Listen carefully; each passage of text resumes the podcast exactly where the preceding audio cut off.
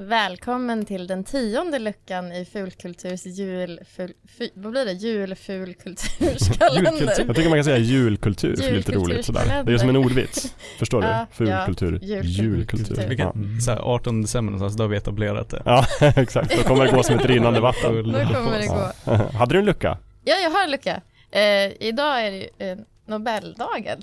Ja. Är det. Men eh, jag ska tipsa om någonting som är liksom absolut inte Nobelvärdigt men väldigt, väldigt roligt och mysigt. Eh, har ni sett serien Jane the Virgin på Netflix? Nope. Nej. Bara lite sådär när Tove tittar så kollar jag ibland när jag sitter bredvid och, och håller på med något annat och bara, åh det här verkar roligt, tänker jag. Det är en fantastisk supermysserie som är så här, tänk du tar konceptet telenovella eh, och allt som hör, hör till det. Och så lägger du in jättemycket självdistans och eh, liksom som någon typ av eh, det är otroligt snyggt när den spelar på alla grejer som brukar finnas Mm. i telenoveller. Men den gör det med glimten i ögat och liksom sådär eh, i en amerikansk kontext. Eh, men vä- väldigt mycket så här lat- latinamerikanska eh, skådespelare sådär. Och den går då ut, den börjar då med att Jane, hon har lärt sig av sin mormor att man inte ska ge bort någon oskuld förrän man är gift.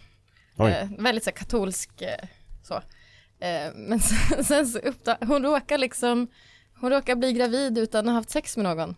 Oj. Eh, för att hon ska, på, hon ska på ett gynekologbesök och den här eh, gynekologen hon är eh, nykter alkoholist som har fått ett liksom, bakslag och har supit ner sig själv låter bra.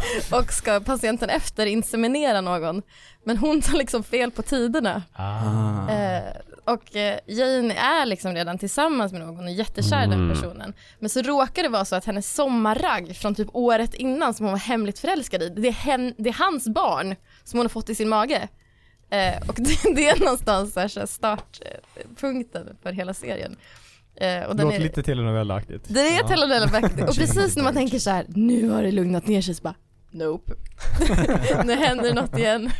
Men alla karaktärerna är så sjukt charmiga eh, och man hela tiden så här, hur ska det gå? Eh, och super duper duper mysig verkligen. Men Eh, är det miniserie eller flera säsonger? Nej, gud, det är massa säsonger.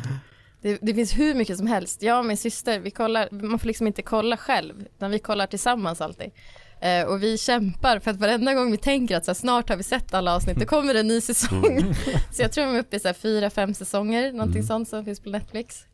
Eh, men den är verkligen, alltså om man har fördom om telenovellas och tänker att det brukar vara ett crappy kvalitet på dem, så är det här liksom väldigt högkvalitativ telenovella-aktig serie. Mm.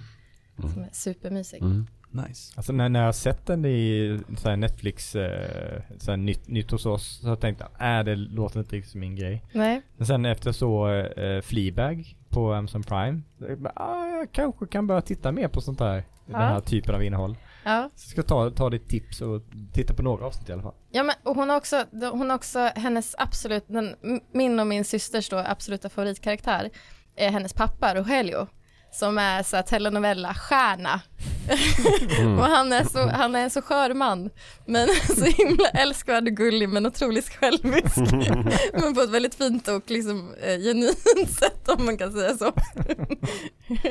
så det är mitt, eh, mitt tips för Nobeldagen. Finns mycket att titta på under julhelgen alltså. Gud ja, jag vet Mm. inte hur man ska välja.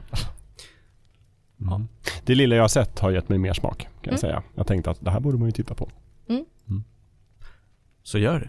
Ja, är Gör det. jag ska, jag ska. Men är det pålagda skrattspår? Nej det är det inte? Nej, det är ingenting sånt. Den, sånt, det, härligt. den är väldigt smakfull för att vara telenovella. Ja, ja men det är bra. Men det låter lite, det låter ju som en väldigt så här kärleksfull nästan parodi eller pastisch. Mm. Men är den också, finns det något seriöst i den? Finns det någon svarta? Absolut, gud ja. Vad härligt. Alltså Tack. för, att, för telenovelas hör ju till så här, stora Ja, tragedier och Precis. eh, känslostormar och eh, vad heter det, så här, plot twists Precis. och sånt. Mycket Mm, av den okej. varan. Ja, härligt. Då, Man har gråtit behövde sina höra. beskärda delar av tårar när man Då så.